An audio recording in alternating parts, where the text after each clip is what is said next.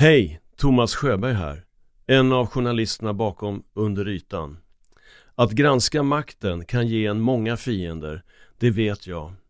För att vi ska kunna fortsätta granska de historier som finns under ytan ger vi dig möjligheten att stötta oss genom att bli medlem av Under ytan plus för 39 kronor i månaden. Då kan du förhandslyssna på hela serien direkt utan reklam samtidigt som det möjliggör vårt fortsatta arbete. Följ bara länken i avsnittsbeskrivningen. Tack för att du lyssnar. I'm Sandra, and I'm just the professional your small business was looking for. But you didn't hire me because you didn't use LinkedIn jobs. LinkedIn has professionals you can't find anywhere else, including those who aren't actively looking for a new job but might be open to the perfect role, like me. In a given month, over 70% of LinkedIn users don't visit other leading job sites. So if you're not looking on LinkedIn, you'll miss out on great candidates like Sandra. Start hiring professionals like a professional. Post your free job on linkedin.com/people today. There's never been a faster or easier way to start your weight loss journey than with PlushCare. PlushCare accepts most insurance plans and gives you online access to board-certified physicians who can prescribe FDA-approved weight loss medications like Wigovi and Zepbound for those who qualify. Take charge of your health and speak with a board-certified physician about a weight loss plan that's right for you. Get started today at plushcare.com slash weight loss. That's plushcare.com slash weight loss. plushcare.com slash weight loss.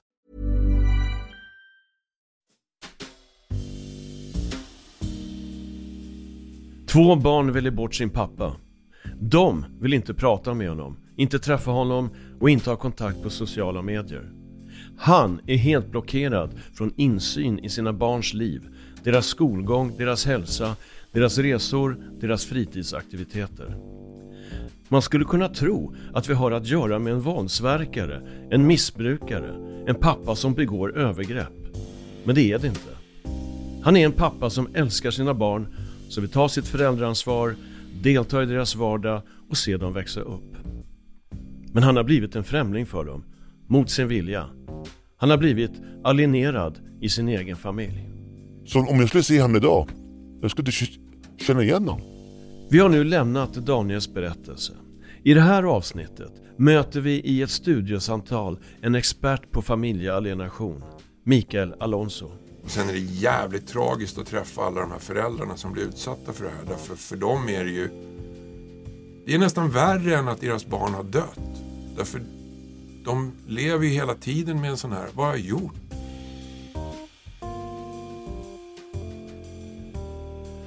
Du lyssnar på Under ytan och dokumentären Att välja sport som förälder. En serie sex delar av mig, Thomas Sjöberg, producerad av Anders Nyström och Current Affairs. Del 6. Vad händer med barnen?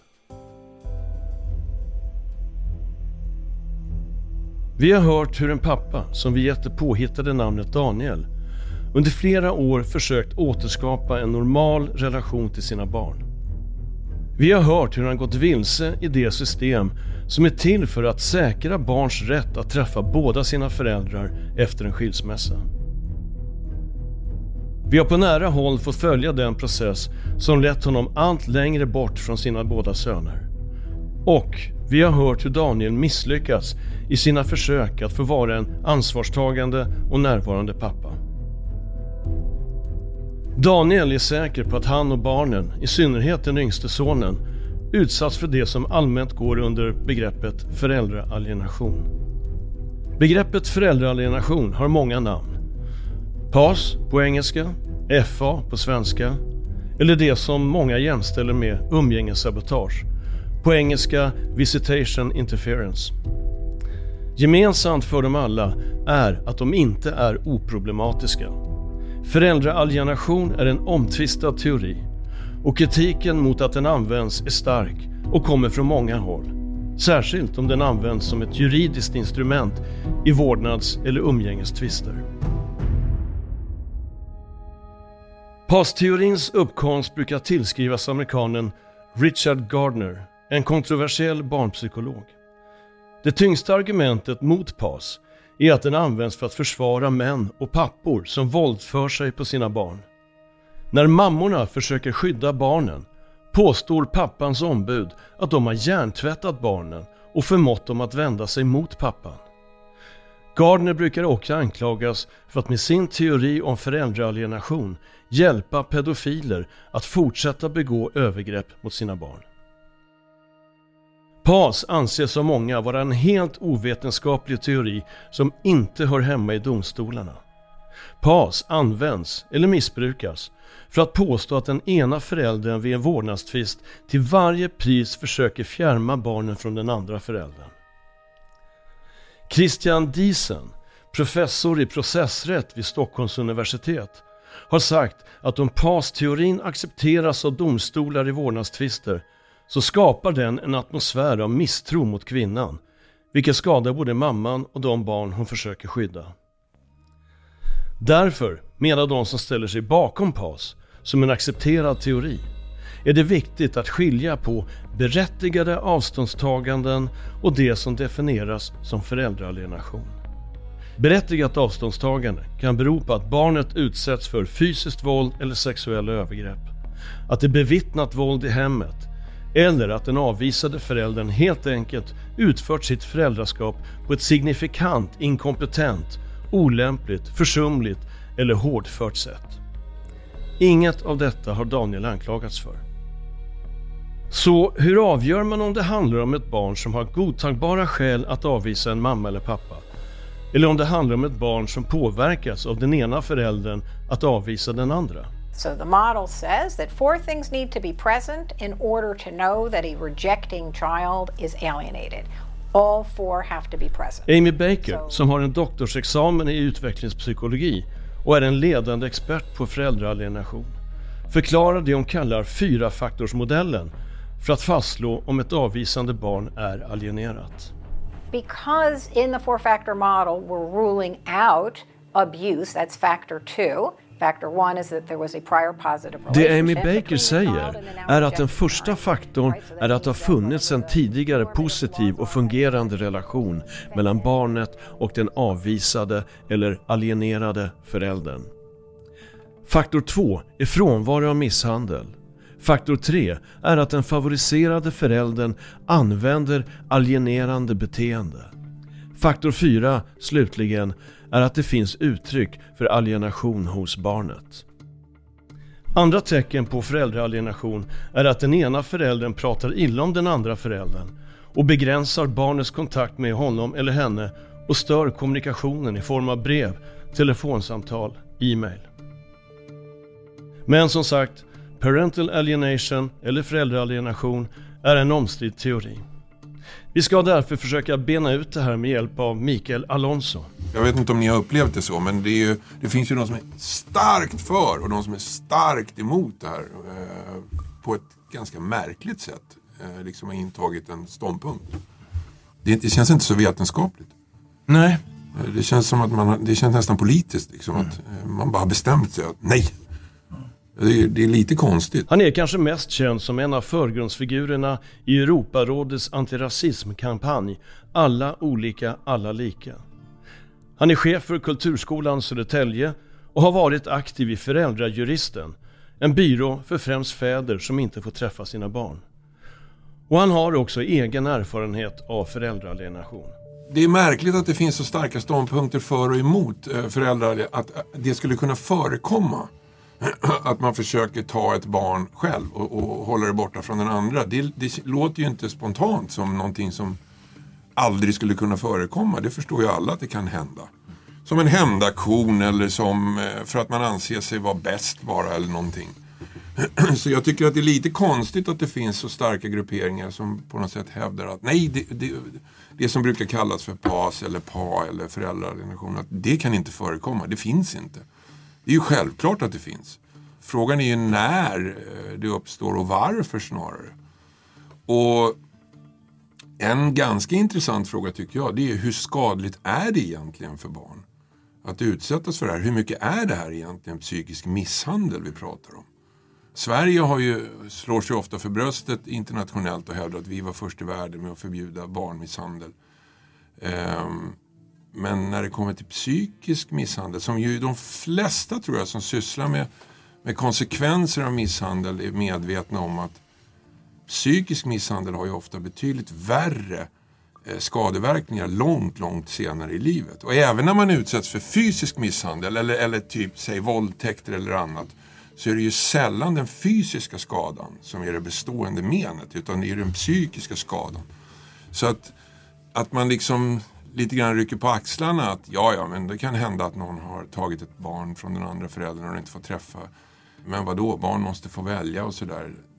Då, då låtsas man om att psykisk misshandel inte förekommer. Jag, jag, jag brukar tänka så här att att trivialisera det här, det är ungefär som att man skulle trivialisera vanlig kidnappning. Att, ja men det var en ganska bra eh, eh snubbe som, som kidnappade barnen och de fick det rätt bra hos honom så det är väl inte så mycket att bråka om. Det, det fattar ju alla att det är helt sjukt om någon stjäl ett barn. Att de mår dåligt av det och att det är givetvis är en polissak. Jag gillar för övrigt inte den här diskussionen att de ska vara hos den föräldern som är bäst. Det, det är liksom, så resonerar ju ingen så länge eh, paren är tillsammans. För så länge föräldrarna lever ihop, då är det ingen som säger att ja, men det måste vara med pappan för han är lite bättre på att ta hand om barn. Så, bara man är okej okay, så, så gynnar det barnen att få vara med båda föräldrarna. Men hur skulle du vilja beskriva FA, föräldraalienation? Ja, men det är inte så, allting är enkelt på ett sätt och sen blir det svårare när man gräver ner sig i det. Men egentligen så är föräldraalienation, det är ju att när föräldrar separerar och har ett barn eller flera tillsammans då bestämmer sig den ena för, det kan vara olika motiv till det, men man bestämmer sig för att äga barnen och helt för, förhindra dem att träffa den andra föräldern. Och det är ju såklart helt socialt oacceptabelt. Så då ljuger man ihop ett antal eh, socialt accepterade skäl för det. Och ibland så möter man på motstånd från den andra föräldern och då i värsta fall då, så måste man skapa scenarier så att ens lögner stämmer. Så att då kan det till och med gå så långt så att man skapar skador hos sina barn. Och man skapar ångest hos sina barn och så för att det ska stämma med ens lögner.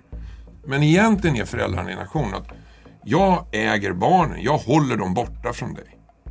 Jag skulle tro att det vanligaste skälet, de, de är två. Den ena är att man vill hämnas på den andra parten. Alltså, man känner att man har blivit så illa tilltryckt i, i en skilsmässa. Och man vet att det den andra parten håller absolut kärast och det enda som den kommer sakna när vi skiljs åt. Den kommer inte sakna mig, det gör oerhört ont. Klarar sig ekonomiskt, klarar sig. Det enda den kommer sakna om jag tar ifrån dem, det är barnen. Och då gör man det som en ren hämnd. Bara för att skada. Man offrar sina barns lycka för att skada den andra partnern. Eh, och för övrigt ska ju tilläggas att det här är ju någonting som även samhällen sysslar med. Att liksom hota eh, folkgrupper ibland. Att om inte ni sköter er, eh, om ni fortsätter att demonstrera och bete er illa, då kanske vi tar era barn. Det är inte en helt ovanlig liksom, metod att, att hota människor som annars inte är rädda. Att vi tar era barn, det är det värsta man kan ta till. Sen finns det en annan sida av det här. Och det kan vara en av förklaringarna till att man har grupperingarna. Att man inte vill ta frågan på allvar med att det är misshandel. Och det skulle kunna vara, och jag tycker mig ha sett tendenser till det här. Att varför är det? För jag vill nog påstå att det är mest mammor som tar barnen. Och varför är det så? Och jag tror att det finns en förklaring historiskt. Att i det tidigare samhället, innan jämställdheten eh, kom in i samhället, då var barnen mammans till stor del. Eh, det var liksom hennes egendom på ett sätt. Hon, hon ägde liksom hemmet och hon ägde barnen.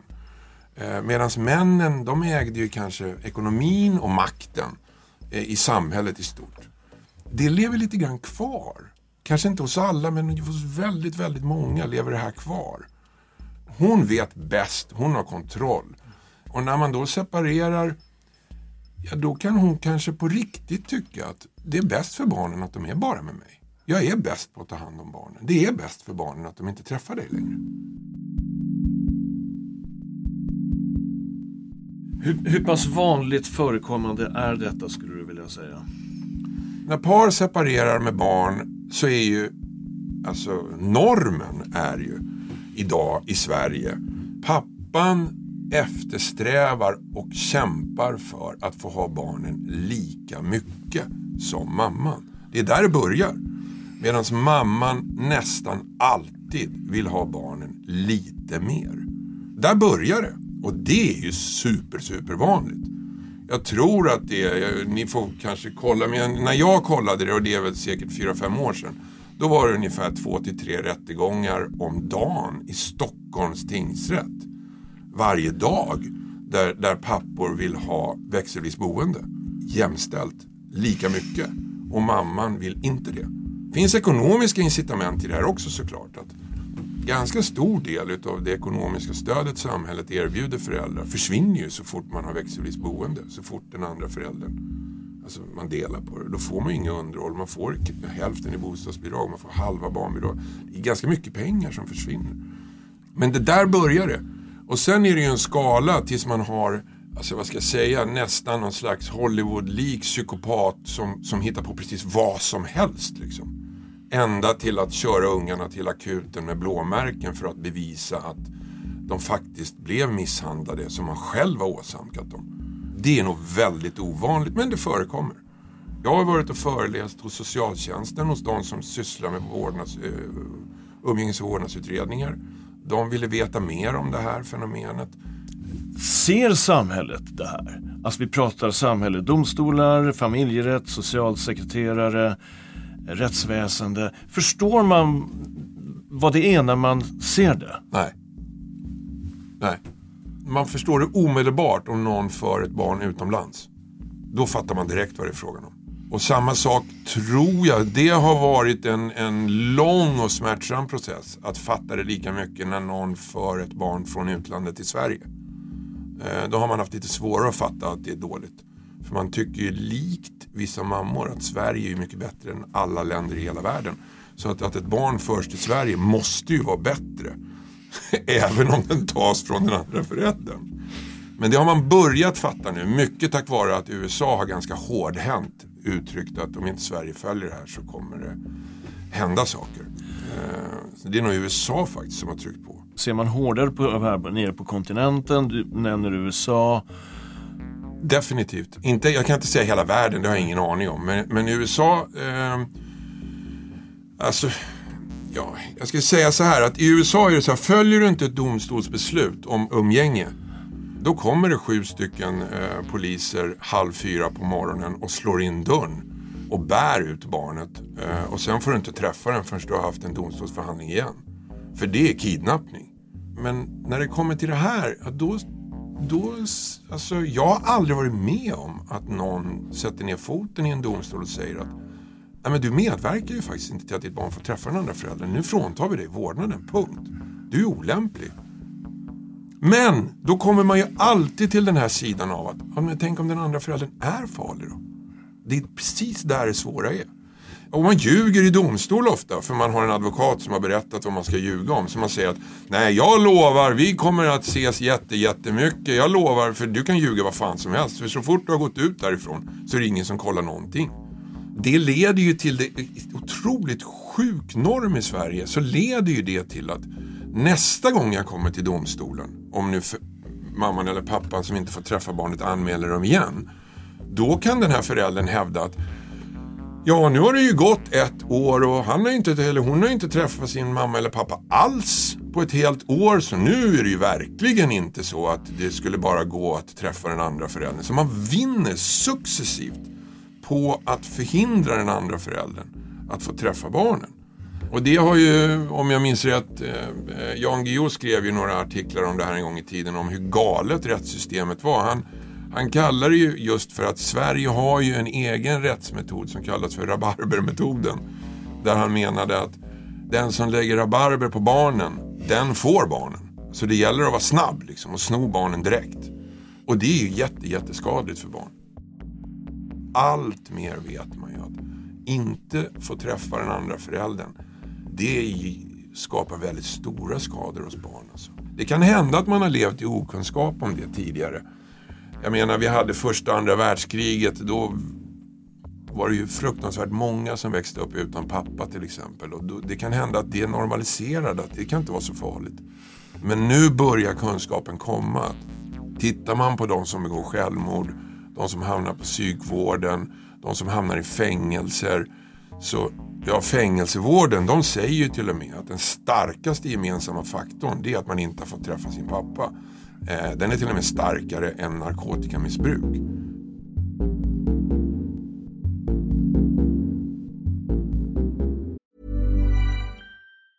Hey, I'm Ryan Reynolds. Recently, I asked Mint Mobile's legal team if big wireless companies are allowed to raise prices due to inflation. They said yes. And then when I asked if raising prices technically violates those onerous two year contracts, they said, What the f are you talking about, you insane Hollywood ass? F- So to recap, we're cutting the price of Mint Unlimited from $30 a month to just $15 a month. Give it a try at mintmobile.com slash switch. $45 upfront for three months plus taxes and fees. Promo for new customers for limited time. Unlimited more than 40 gigabytes per month. Slows. Full terms at mintmobile.com. Burrow's furniture is built for the way you live. From ensuring easy assembly and disassembly to honoring highly requested new colors for their award-winning seating, they always have their customers in mind. Their modular seating is made out of durable materials to last and grow with you. And with Burrow, you always get fast, free shipping. Get up to 60% off during Burrow's Memorial Day sale at burrow.com slash ACAST. That's burrow.com slash ACAST. burrow.com slash ACAST.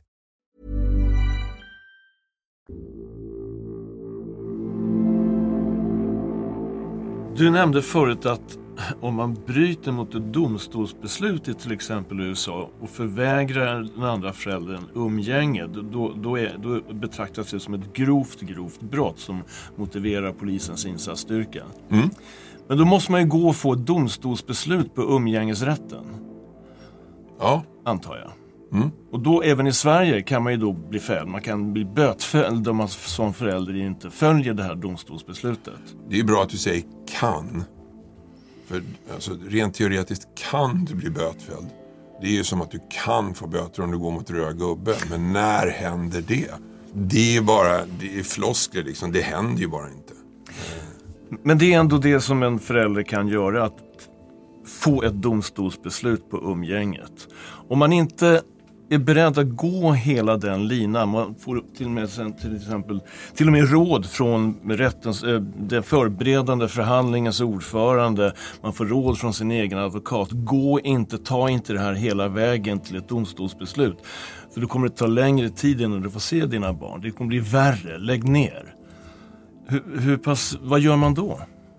Nej, men då blir man ju lurad. Och det är vanligt. Jag har själv råkat ut för det. Jag fick själv dåliga råd. Ehm, men det är väldigt vanligt att, och, och, och många tänker ju så per automatik också. Att, alltså, nu är vi kanske delvis lite inne på hur kan man veta om det här är alltså, alienation eller om det är så att man bara skyddar sina barn från en farlig förälder. Därför att de föräldrar som utsätts för alienation, de reagerar ju ofta med att de någon slags instinktivt inser att det här är bara till för att skada mig. Det här är bara ett sätt att hämnas.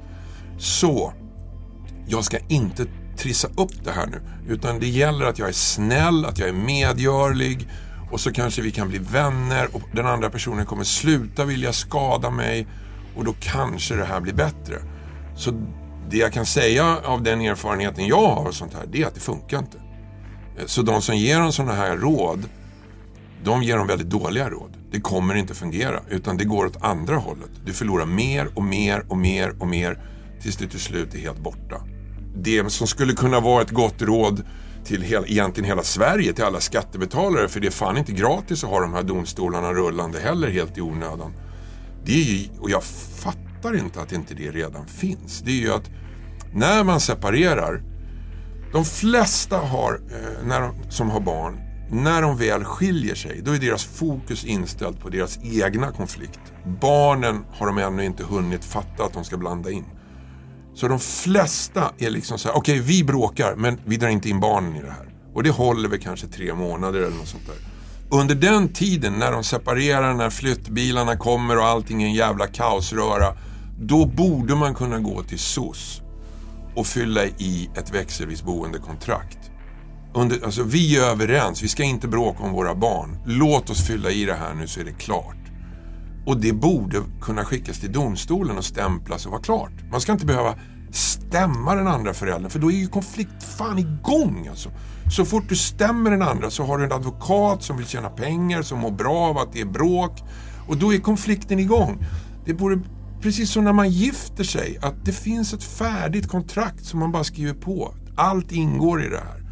Det skulle spara oss jättemycket konflikter, jättemycket pengar i domstolar, jättemånga bråk skulle aldrig uppstå och det skulle vara mycket lättare att avslöja de som har för avsikt att faktiskt ta barnen från den andra.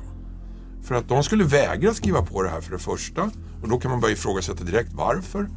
Eh, om de skriver på det och bryter mot det, ja då kan man ju gå till domstolen och säga vi har ju ett avtal, de bryter ju mot det. Det blir inte lika åkande som det är nu, att vi har inga avtal, ja, eh, det finns inga regler att följa.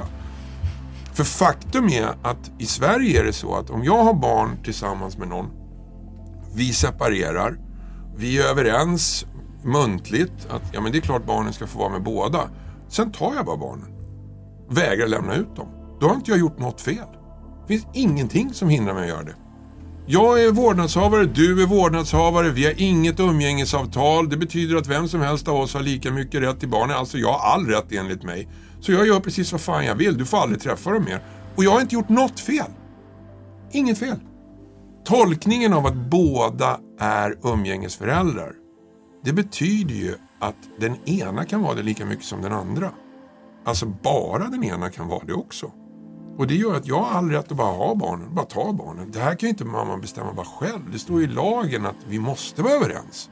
Eller välja skola eller åka utomlands. Eller det finns ju vissa områden där man måste vara överens.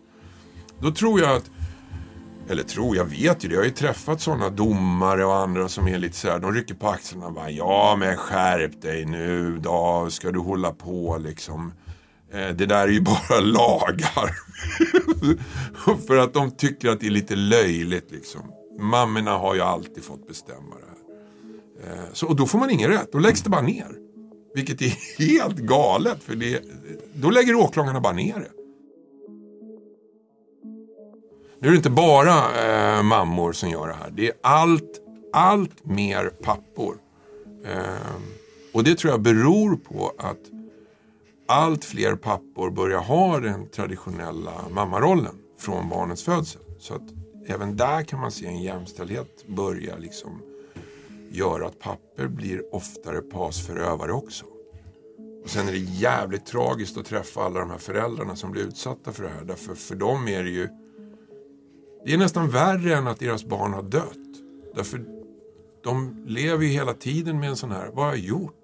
Och hela tiden kan de ju inte heller göra ett avslut. Att de kan liksom inte sörja och börja om sitt liv utan hela tiden är det, ja det kanske kommer lösa sig. kan, de lever i det här konstant. Liksom, att det kanske går om nästa år eller när de går ut mellanstadiet så kanske. Alltså de tror hela tiden att det kan gå att lösa. Så att de lever ju i, i någon slags konstant chocktillstånd nästan hela tiden. Det finns en problematik i när barnen själva ger uttryck för att de inte vill träffa den allierade, den andra föräldern. Ska man inte tro på det då? När de säger vi vill inte, när mamman säger att de vill inte. Vad gör man då? Det, det man skulle kunna säga det är ju att okej okay, men vad gör om barnen inte vill borsta tänderna då? Alltså slipper de det då? Eh, barn vill ju en massa saker. Om de inte vill gå i skolan längre, slipper de det då? För plötsligt är det så att ja, men om de inte vill följa eh, liksom, domstolens eh, regler att de ska träffa den andra föräldern, ja, då slipper de det.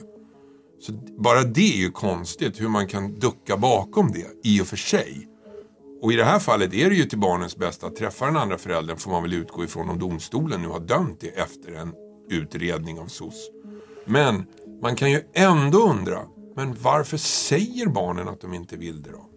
Givetvis kan det ju bero på att de är klämda. Eh, alltså de vet att jag får fan om inte jag säger det. Det är tänkbart. Eh, och det händer, jag vet det. Jag har, alltså jag har själv varit med om att barn som träffar sin, i det här fallet pappa, säger till pappan att förlåt, jag sa bara så för att jag, så att de är medvetna om att de ljuger. Men väldigt många hamnar i att de faktiskt inte vill. Att de faktiskt eh, identifierar sig med, med den förälder som inte vill släppa iväg barnen. Och varför då? Och det som kommer närmast för att göra en enkel psykologisk förklaring utav det eh, så skulle man kunna säga att de flesta tror jag ändå är bekanta med det som kallas för Stockholmssyndromet. Där alltså, den har ju blivit, det har ju blivit en förklaring i hela världen idag det som händer i Stockholm. Att den som egentligen är ett offer och, och ofta också utsatt för ganska stor risk av förövaren. Konstigt nog så efter en viss tid så identifierar sig offret med förövaren och börjar försvara eh, och ta upp den här farliga personens åsikter och världsbild. Där man lierar sig med den som faktiskt är ute för att skada mig. Och, då, och de tar, tar den här världsbilden som sin. Så att om det är mamman eller pappan som inte vill att jag ska träffa den andra föräldern, då vill inte jag det heller. Det som händer tyvärr då, om jag får lägga ut texten lite till, från det att man har fyllt 18 och uppåt. Och många föräldrar går ju bär här att efter de har fyllt 18, då, då kommer jag få träffa mitt barn. Då är den andra föräldern ur, liksom, borta ur spelet. Men det blir inte så. Därför att då har de byggt upp så mycket skuldkänslor. Så att då håller skuldkänslorna dem borta från att träffa den andra föräldern. För de mår så jävla dåligt av det de har gjort. Och ofta när man pratar med dem, då, då är deras egen förklaring den är att nej men jag orkar inte det här. Det här är en grej mellan mina föräldrar. Hur pass vanligt är det tror du att viktiga samhällsaktörer medverkar i den här alienationen? Det är helt avgörande. Därför gör de inte det, går det knappt. Det går knappt att ha familj, alltså, det går knappt att alienera barnet från den andra föräldern om, om inte samhället medverkar. Så svar på din fråga är att samhället underlättar i, i stor utsträckning eh, men eh, att man eh, alienerar barnen från den andra föräldern, ja. Och det, det, skulle aldrig gå om samhället tog det här på allvar. Men de som gör det mest, det är ju domstolarna och åklagarna. Därför de tar inte det här på allvar. Och det borde de göra. Alltså en svensk åklagare borde faktiskt tycka att ja, men det är ju ganska allvarligt. Men så länge de struntar i det så, så är ju det här en, en, en, ett vinnande koncept. Om man håller barnet borta från den andra föräldern trots att man vet att det här kommer skapa liksom skuldkänslor hos det här barnet. Det kommer skapa ett sökande någonstans i 30-40 års åldern. Vad hände egentligen? Var, var tog min andra förälder vägen? Det kommer skapa eh, skamkänslor när de tar studenten, när de står själva. Den andra föräldern vet att jag skadar mitt barn så in i helvete. Bara för att vinna någon slags hämnd eller vinna någon slags seger liksom. Så vi, jag, jag tror ju att vi kommer ha en våg av medelålderskriser där man rotar i, i sitt förflutna. Eh, vad hände egentligen? Liksom? För det är bara svart, det är bara en lucka. Liksom. Vad hände egentligen? Jag fattar inte själv varför jag sa hej då till min farsa. Liksom. Vad får det för konsekvenser av att leva i en tillvaro av konstant krossade förhoppningar och ständig ovisshet om barnen någonsin kommer tillbaka? Daniel och hans nya fru berättar om hur den psykiska påfrestningen under dessa år gjort dem sjuka. Daniel fick stora problem med stämbanden och var hes i över ett år och blev till slut tvungen att operera sig. Han fick även svår ångest, speciellt på kvällarna innan han skulle somna. Hans hjärta slog dubbla slag och han tvingades uppsöka läkare. Att inte veta den egentliga orsaken till barnens avståndstagande gjorde dem utmattade. En tid, berättar frun, såg de väldigt mycket. De var helt slut. För henne har detta inneburit många års tyngd i kroppen och dränerad av dålig energi. Hon jobbar med det fortfarande, men det går i perioder då det blir bättre och sämre. Hon drabbades av ångest och var tvungen att sjukskriva sig. Daniel, som vi nu har följt i Att väljas bort som förälder, reflekterar också över de långsiktiga konsekvenserna för barnen. Ni som har barn hemma, ni har lyx. Jag har inga barn hemma. Jag vill växa upp med mina barn. Jag ser mina barn växa upp på sociala medier, med, på bilder. Jag får höra att min son är 1,93 lång. Sist när han, var, när han, när han stack då var han 1,60. Så om jag skulle se honom idag, jag skulle inte känna igen honom. Kan du inte ge mig en rimlig förklaring varför det är så här? Det är 1800 dagar. Folk gnäller om, en, om, om överlämning är en timme för sent. Jag gnäller att det är 1800 dagar sedan. Och myndigheterna kan inte ge mig svar. Kan inte hjälpa mig. De som inte har pengar har, gå, kan gå till tingsrätten då. Som inte har pengar att ha en, en advokat. Vad ska de göra? De förlorar sina barn.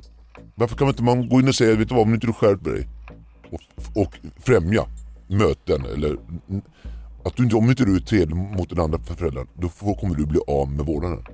Om, om, att de ser det här, att inte de kan göra någonting och att myndigheten kan säga, nu, nu räcker det. Om inte du hjälper till här kommer du bli av, av med vårdnaden för du är inte lämplig som, som vårdare.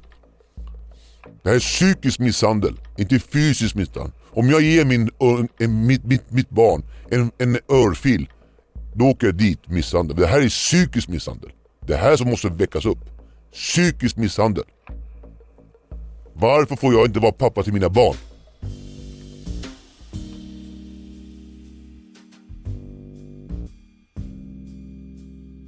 Du har lyssnat på sjätte och sista delen av Att väljas bort som förälder. En dokumentärserie om mig, Thomas Sjöberg, producerad av Anders Nyström och Current Affairs. Daniel heter egentligen något annat och hans röst är förvrängd. Tack för att du har lyssnat.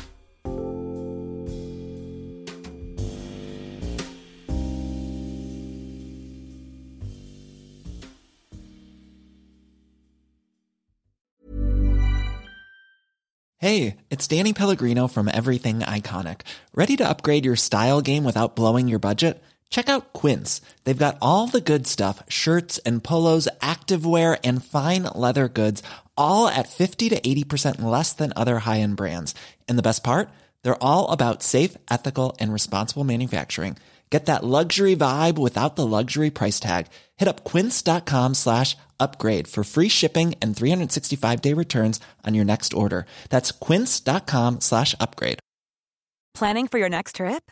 Elevate your travel style with Quince. Quince has all the jet setting essentials you'll want for your next getaway, like European linen, premium luggage options, buttery soft Italian leather bags, and so much more. And is all priced at 50 to 80% less than similar brands. Plus, Quince only works with factories that use safe and ethical manufacturing practices. Pack your bags with high-quality essentials you'll be wearing for vacations to come with Quince. Go to quince.com/pack for free shipping and 365-day returns.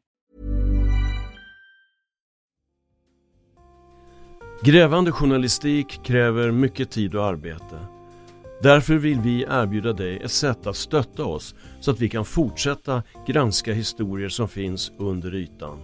Om du blir medlem i Under ytan plus för 39 kronor i månaden kan du lyssna på hela serien direkt utan reklam samtidigt som du möjliggör vårt fortsatta arbete. Följ bara länken i avsnittsbeskrivningen. Tack för att du lyssnar.